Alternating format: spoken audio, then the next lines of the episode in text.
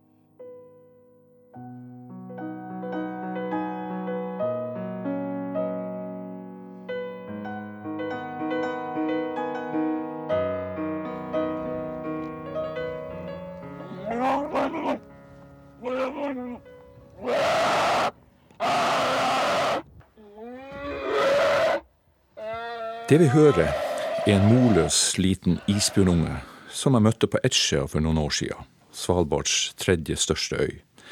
Jeg kalte han Bamsetassen, og du skal få møte han igjen seinere i programmet, og vil da få vite hvorfor han lager slik voldsom lyd.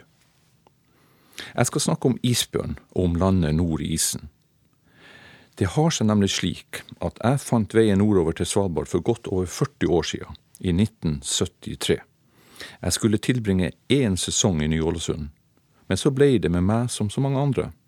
Jeg ble fanga av landet, og siden har det aldri sluppet taket.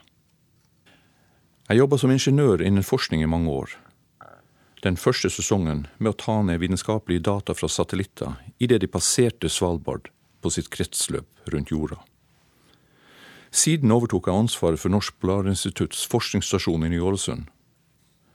For meg som for så mange andre som velger å tilbringe et år eller flere nord i isen, er det å se isbjørnen den største gleden. For meg gjerne på en sånn avstand at dyret ikke bare er en fjern bevegelse, men at jeg virkelig ser bjørn, og ikke minst at bjørn ser meg. Men at jeg skulle komme til å oppleve isbjørn så nær at jeg kunne lukte den, ja, at jeg kunne berøre snuten på den om jeg det ville, blei kanskje i nærmeste laget.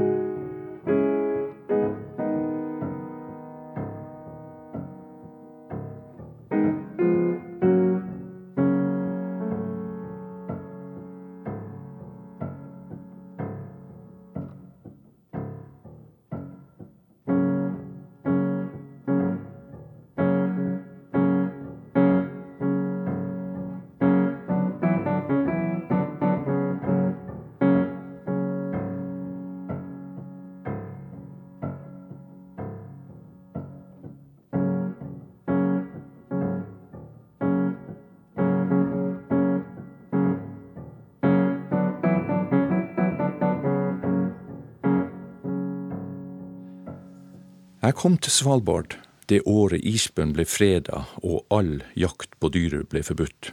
I 1973, altså. Mitt første møte med den hvite bjørnen skjedde en tidlig februardag i 1974, på vestsida av Brøggeraløya. Vi var to karer på en snøscootertur. Det var en beinkald dag, og vi var på vei tilbake til Ny-Ålesund, hvor vi holdt til.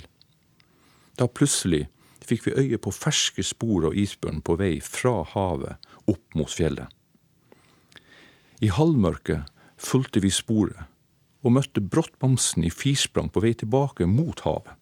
Jeg husker ennå hastigheta den kom med, hvordan sneen fossa rundt beina på den, og hvordan jeg fikk frem fotoapparatet og med 120 puls og et hamrende hjerte rakk å trykke av et par-tre bilder. Man kunne faktisk skimte en utflytende, skittengul flekk i høyre billekant. Det var min første bjørn. Tre år senere deltok jeg på min første isbjørnekspedisjon for Norsk Polarinstitutt til de østlige områdene av Svalbard, vil si farvannet mellom Etsjøya, Barentsøya, Kong Kars land og Nordøstlandet. Det var om å gjøre å fange så mange bjørner som mulig, bedøve dem, merke dem og ta diverse prøver. Vi visste lite om bjørn den gangen, naturlig nok siden de oppholder seg der hvor mennesker har vanskeligheter med å ta seg frem. Vi banka oss vei gjennom drivisen med den gamle, men særdeles fine isavskuta Polarstar. Skjønt gamle, skuta og jeg er av samme årgang, 1948. Vi var den gang knapt 30 år gamle. Isbjørn foretrekker drivisen, særlig den grove isboksen i øst. En del bamser velger å oppholde seg innerst i fjordene, gjerne ved fronten av breene hvor fastisen ligger langt utover sommeren, og hvor det yrer av sel.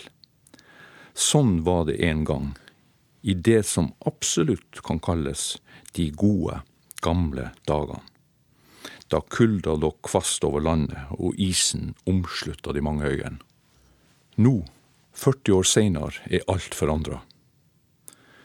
Jeg husker den intense kulda, hvordan den stakk som tynne nåler i neserota, de numne fingertuppene, frossårene i ansiktet og det isete skjegget. Nå legger isen seg knapt lenger i fjordene. Havområdene som tidligere lå stengt av tunge ismasser i stadig drift, ligger åpne og tilgjengelige. Temperaturer under 20 minus er en sjeldenhet på vestkysten av Spitsbergen. Tidligere var 30 minus helt vanlig. Sant nok hender det at kulda slår til, men den blir aldri liggende i ukevis som før. For isbjørn er alt dette negativt. Det mangler ikke på pessimistiske spådommer, som at isbjørn vil forsvinne og at den polare verden slik vi kjenner den, knapt vil bestå. For mange er en pessimist synonymt med en realist, mens en optimist gjerne oppfattes som en drømmer. Og jeg tilhører nok den siste kategorien, optimisten altså. Jeg har ingen tru på de mørke spådommene om at de hvite bamsene ikke vil overleve. Isbjørn regnes som en ungart, 300 000-400 000 år gammel, og den nedstammer fra brunbjørn. Isbjørn er den største av verdens bjørnarter. Og en slik stor havbjørn er uhyre robust og ekstremt godt tilpassa et liv i is og kulde. Den bygger opp store fettreserver i gode tider, og kan gå i uker og måneder uten føde. Den spiser hva som helst, hvor som helst. Den beiter gress som ei ku, spiser tang og tare, fråtser fugleegg der hvor den kommer til, og mesker seg aller helst med en feit ringsel eller en storkobbe.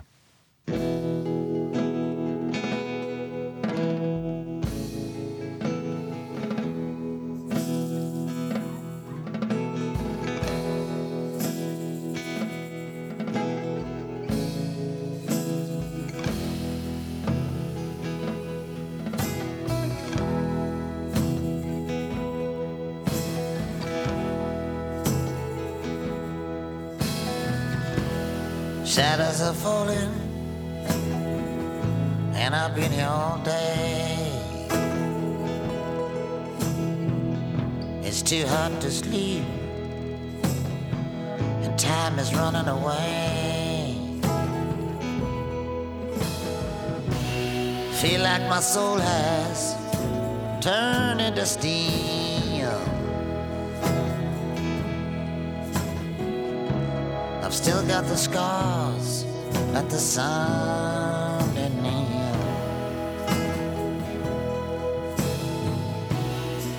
There's not even room enough to be anywhere. It's not dark yet, but it's getting there.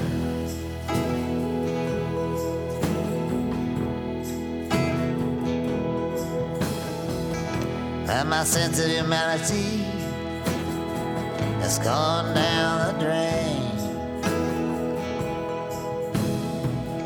Behind every beautiful thing, there's been some kind of pain.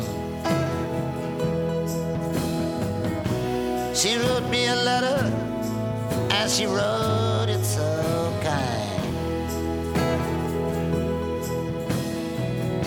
She put down in writing what was in her mind.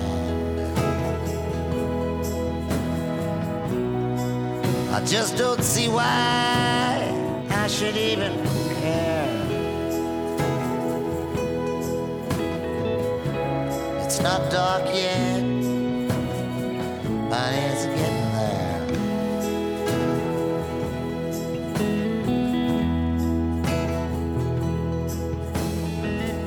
And I've been to London, and I've been to Cambridge. Followed the river and I got to the sea. I've been down on the bottom of a world full of lies.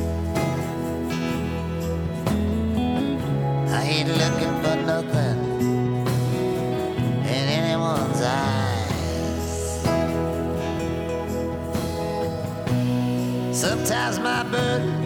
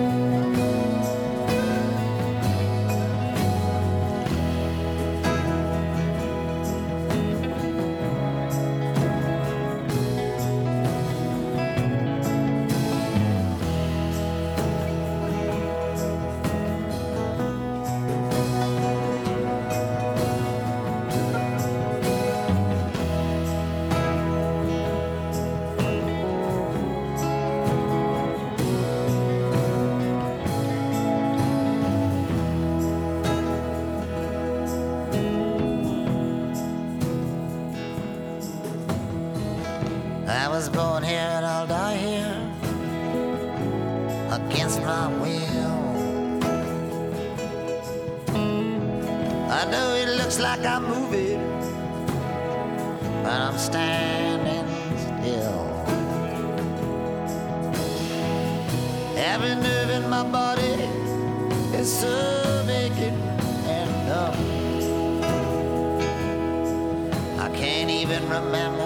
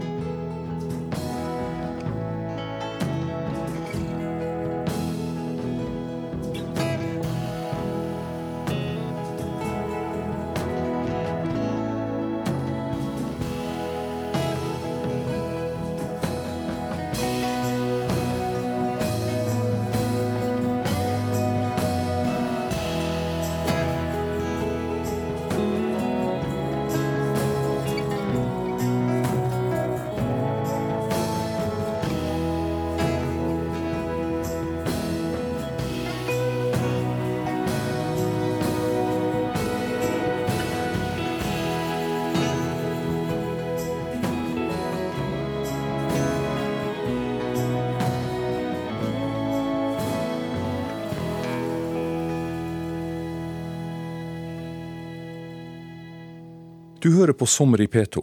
Jeg heter Birger Amundsen, er forfatter og journalist, og akkurat nå så snakker jeg om livet for isbjørn i disse akk så varme tider. Det som skjer med klima, får konsekvenser for alt liv i havet, på havet og rundt havet. Vi ser det allerede, men vet lite om hvordan det videre vil gå. Konkarsland, den lille øygruppa på østsida av Svalbard, med Kongsøya som den største og den viktigste for bamsene, og særlig for bindet som skal føde. I årevis var jeg med på ekspedisjoner til kong Karlsland, hvor vi tråkka rundt på ski og spora opp isbjørnhi. I uken vi oppholdt oss der, fra midten av mars til i begynnelsen av mai, lå drivisen tett så langt vi kunne se, i alle himmelretninger. Binnen graver ut sine hi i bratte fjellsider seint på høsten, gjerne høyt til fjells. Vår jobb var å finne hiene. Så snart binna hadde åpna hiet og tatt med ungene ut i drivisen, undersøkte vi det nærmere. Før isbjørnbinden begynner å røre på seg i hiene, er det ingenting å se. Du kan tråkke rett over taket på hiet uten å være klar over det. Bjørnene hører alt, selvsagt, der de ligger skjult oppi fjellsiden. Hvert eneste stavtak og gniss av ski. Fra binda graver seg inn i snøfonna seint på høsten, inntil hun en dag i mars-april åpner hiet for første gang, har hun ikke tatt til seg noen form for næring. Og tru bare ikke at hun er så desperat av sult at hun, så snart hiet åpner, legger av gårde ut i isen for å finne seg en feit sel. Ungene er sårbare og usikre på verden utenfor det trygge hiet den første tida, og helt avhengig av nærkontakt og kroppskontakt med mora. Samtidig er det et og annet de skal tilegne seg, før de legger ut i den farlige drivisen. Derfor oppholder binda seg i hiet og i nærområdet med ungene et par-tre uker før dagen er kommet. For oss var det om å gjøre å finne hi som var åpna så tidlig som mulig, og så følge med den dagen det ble forlatt.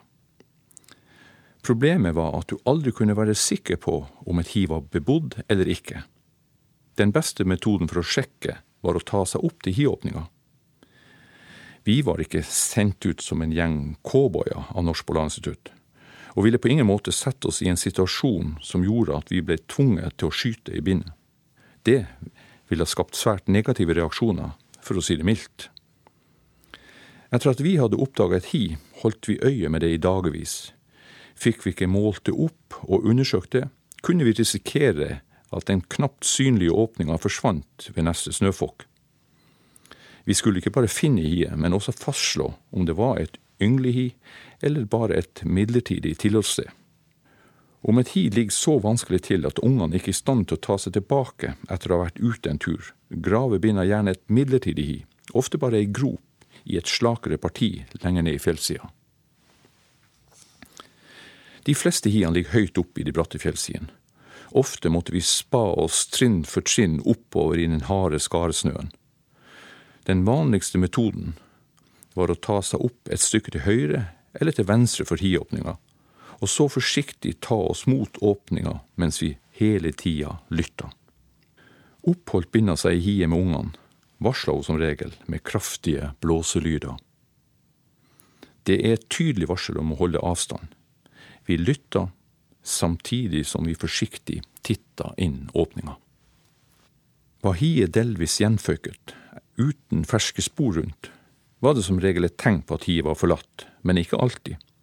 Det hendte vi hørte at det romsterte inn i mørket, og da var det bare å komme seg vekk.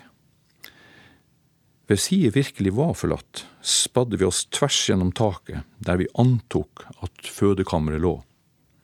Åpninga i et sånt hi er ofte ikke mer enn en knapt en halvmeter stor i diameter. Den ramme dyrelukta er det første som slår mot en når man åpner det, og synet av pelshårene som har festa seg i islaget i taket. Enkelte hi var svært omfattende, med inngangskanal fra fem til ti meter lang, eller mer, med nisje og søyler, og også masse gravespor av de småbamsene som etter hvert begynte å bevege seg rundt omkring inne i hiet. Binna driver kontinuerlig graving og utbedring etter hvert som taket i hiet synker sammen. Vi spadde oss ned gjennom lagene i bunnen av fødehula, lag på lag med piss og møkk. Litt møkk er det alltid, selv om binna ikke spiser noe som helst i løpet av månedene hun oppholder seg i hiet. For oss var hiene lune og høvelige som lunsjsted, og det skjer også at hannbjørner i ruskevær lager seg ei høvelig grop og slår seg til en dag eller tre inntil været bedrer seg. Kong Karls land var bamsenes viktigste fødestue, men er det ikke lenger. I dag ligger havet ofte åpen seinhøstes. På den tida isen tidligere omslutta øygruppa, og drektige binner tok seg frem til ei høvelig fjellside med gode sneforhold, der hun kunne grave ut sitt fødehi. For isbjørn som for andre polare dyr gjelder det å spare på energien, Å legge ut på en lang svømmetur for å komme frem til Kongsøya er noe binna ikke gjør. Hun finner mer egna steder til sin tid.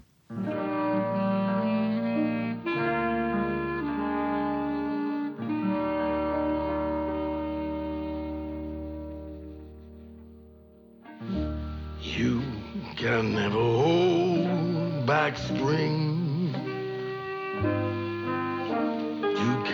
Sure I will never stop believing.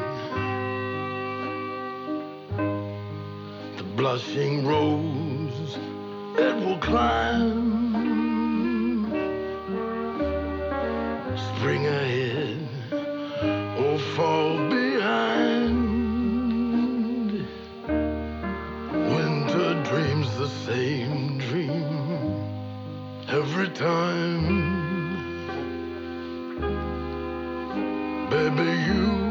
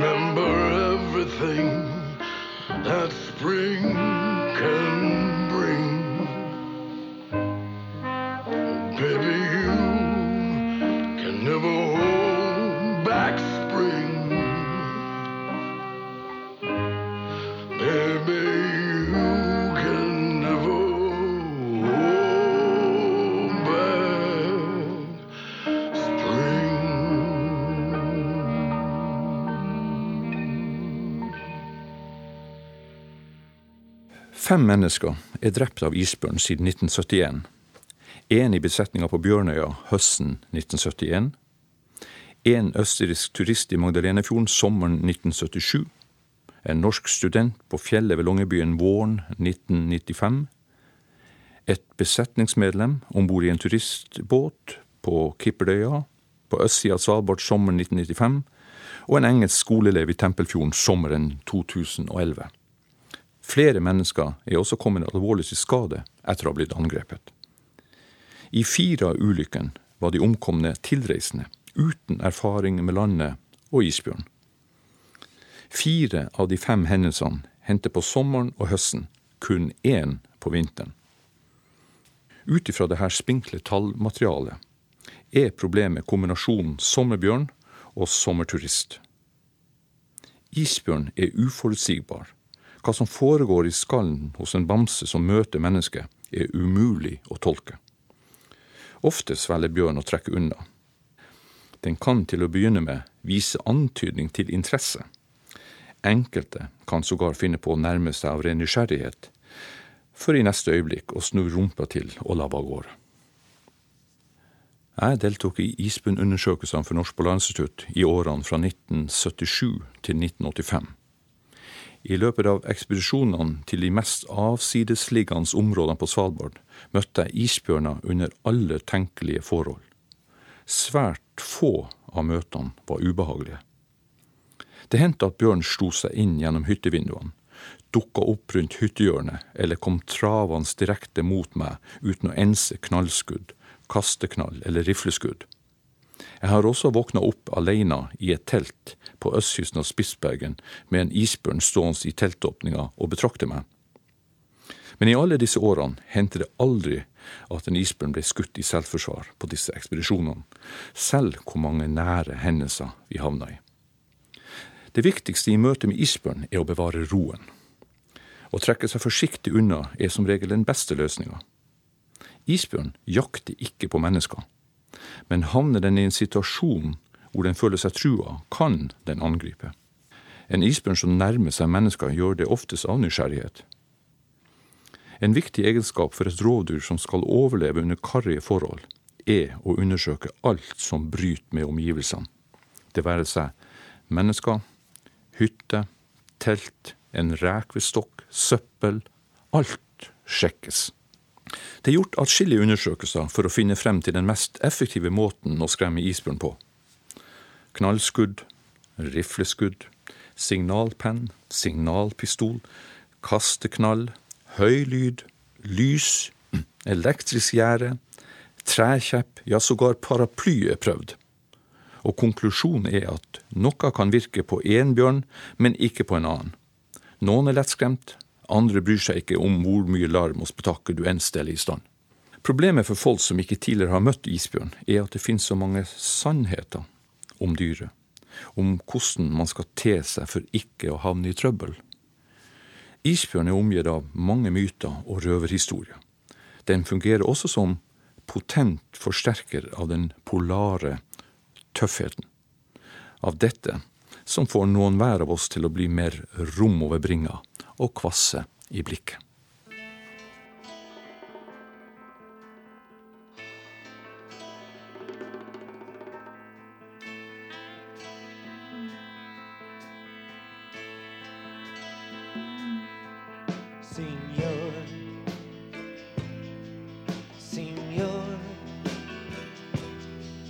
Can you tell me where we're heading? Lincoln County Road or Armageddon? Seem like I've been down this way before. Is there any truth in that, Senor? Senor.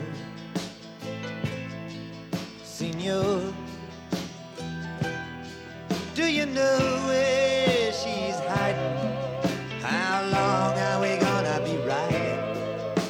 How long must I keep my eyes to the door? Will there be any comfort there, Senor? There's a wicked wind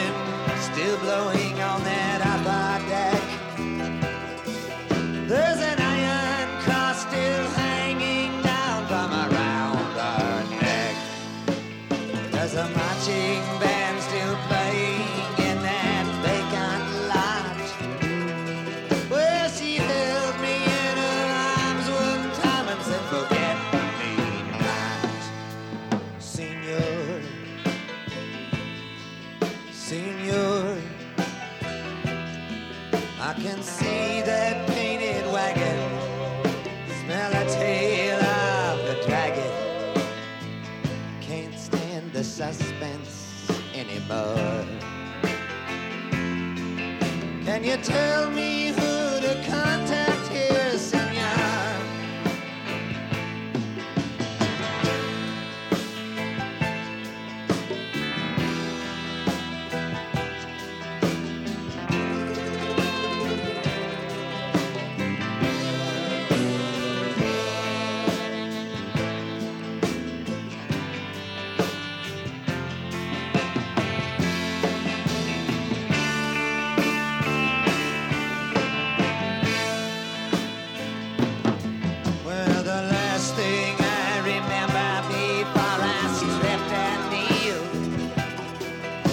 train.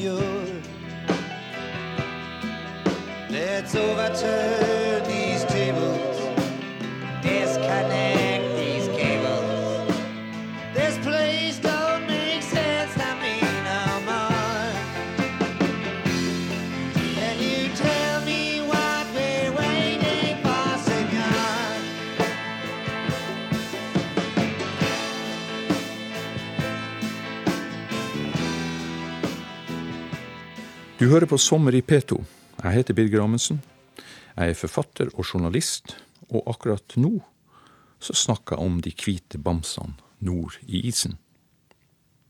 Totalbestanden av isbjørn i Arktis er fra 20 000 til 30 000 dyr, og de er fordelt på 20 ulike bestander. Rundt 3000 av disse bamsene holder til på og rundt Svalbard, og videre østover til Frans Josefs land på russisk side.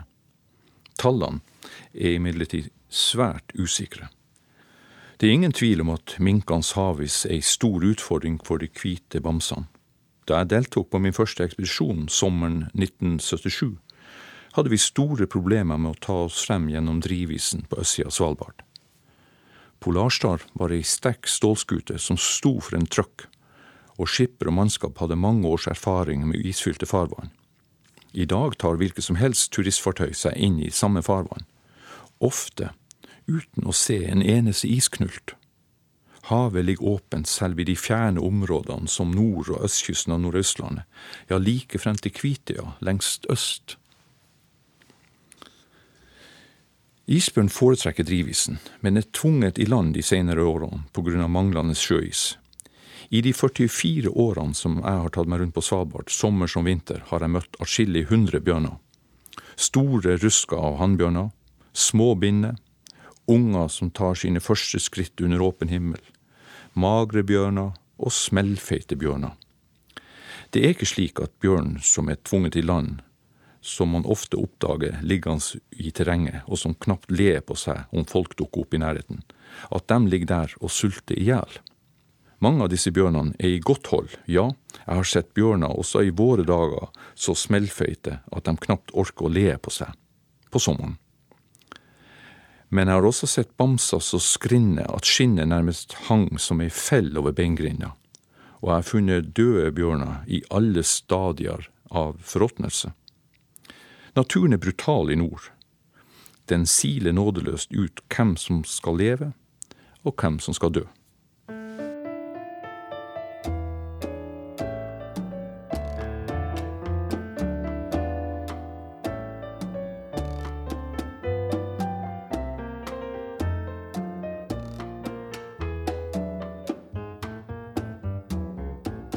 Soledad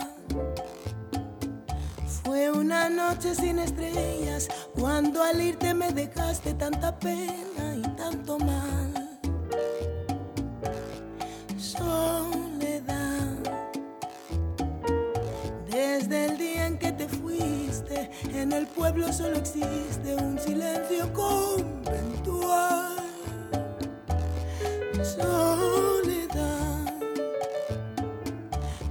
Los arroyos están secos y en las calles hay mil ecos que te gritan sin cesar.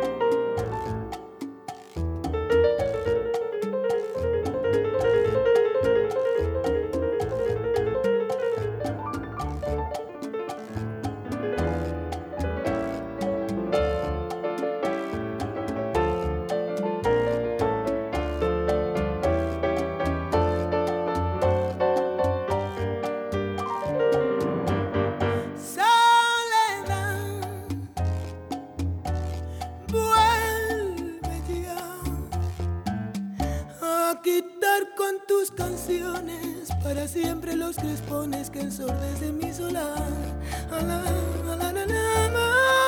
Soledad,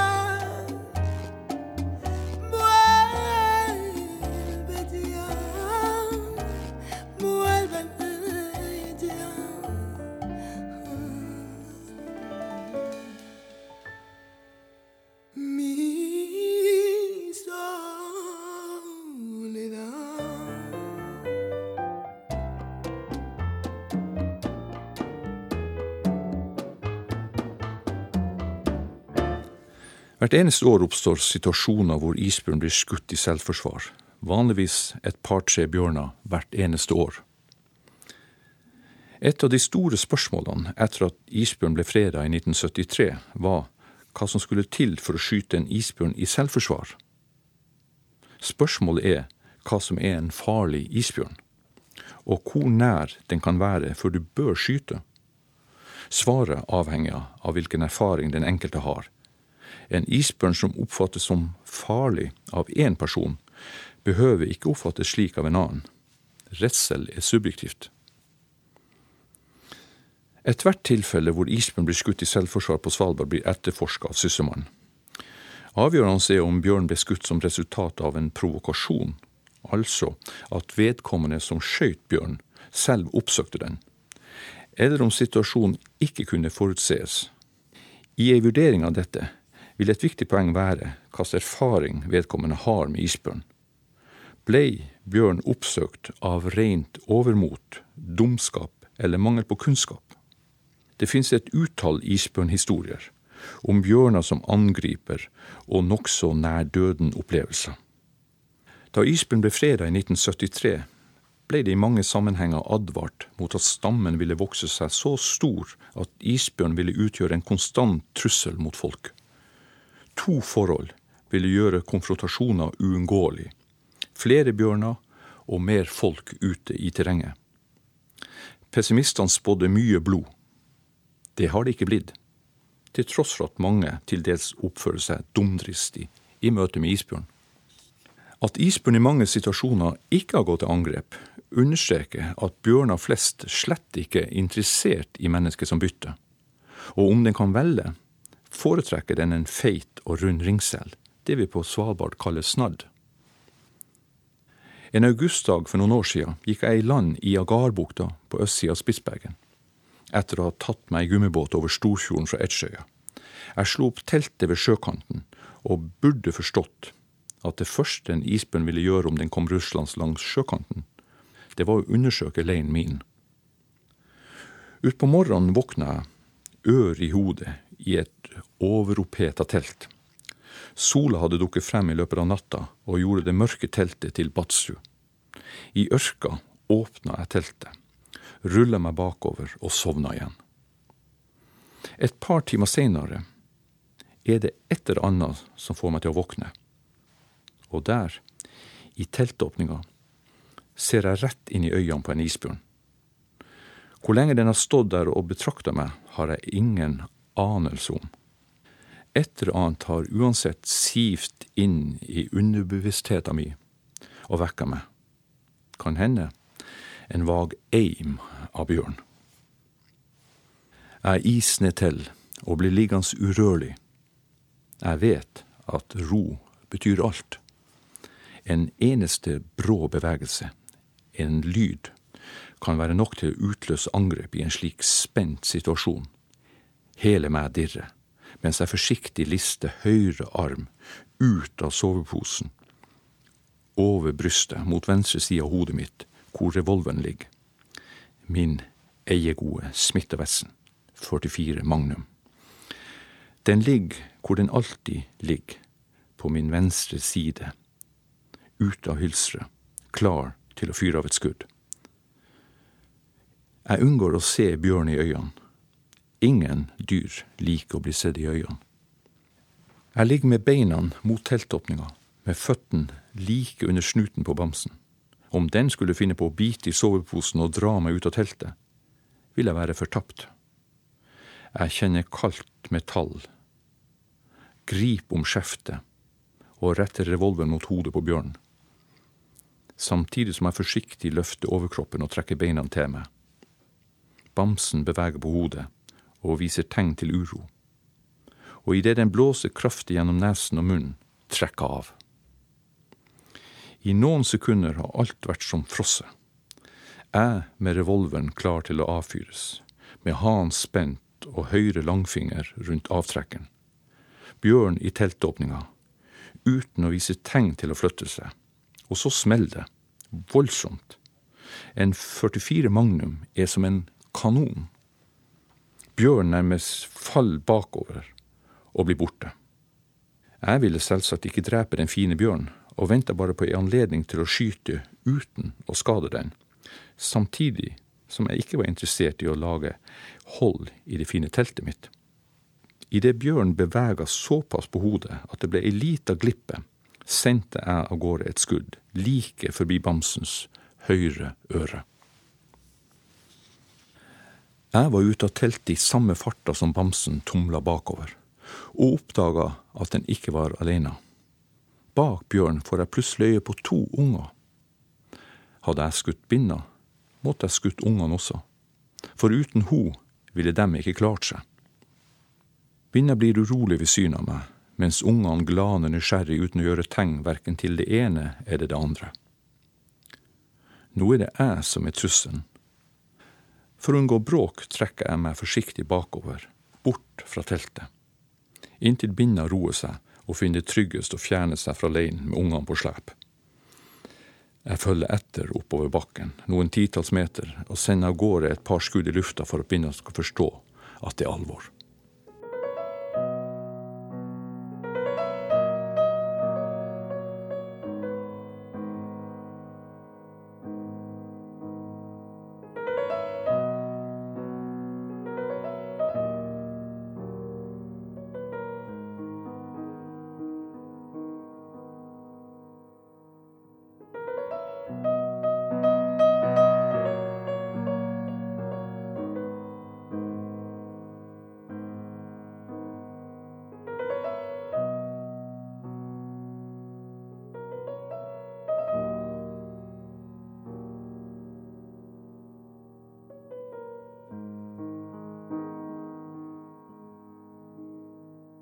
Og så var det denne lille isbjørnungen på Edsjøya.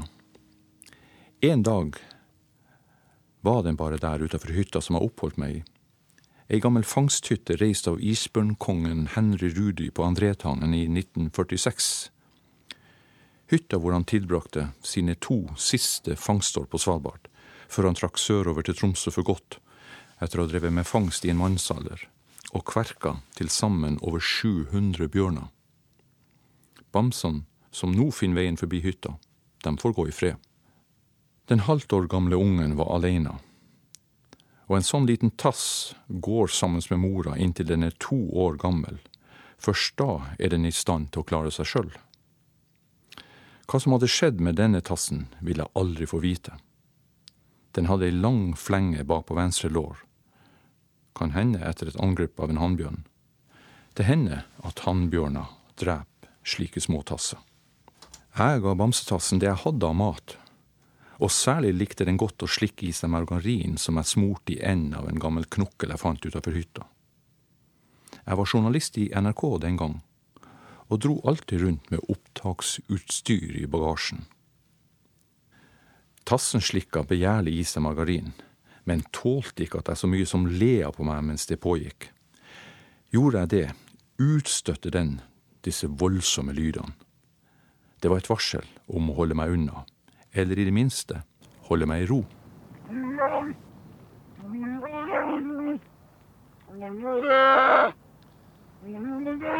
Ja, skal du ha mer? Ja, skal du ha mer?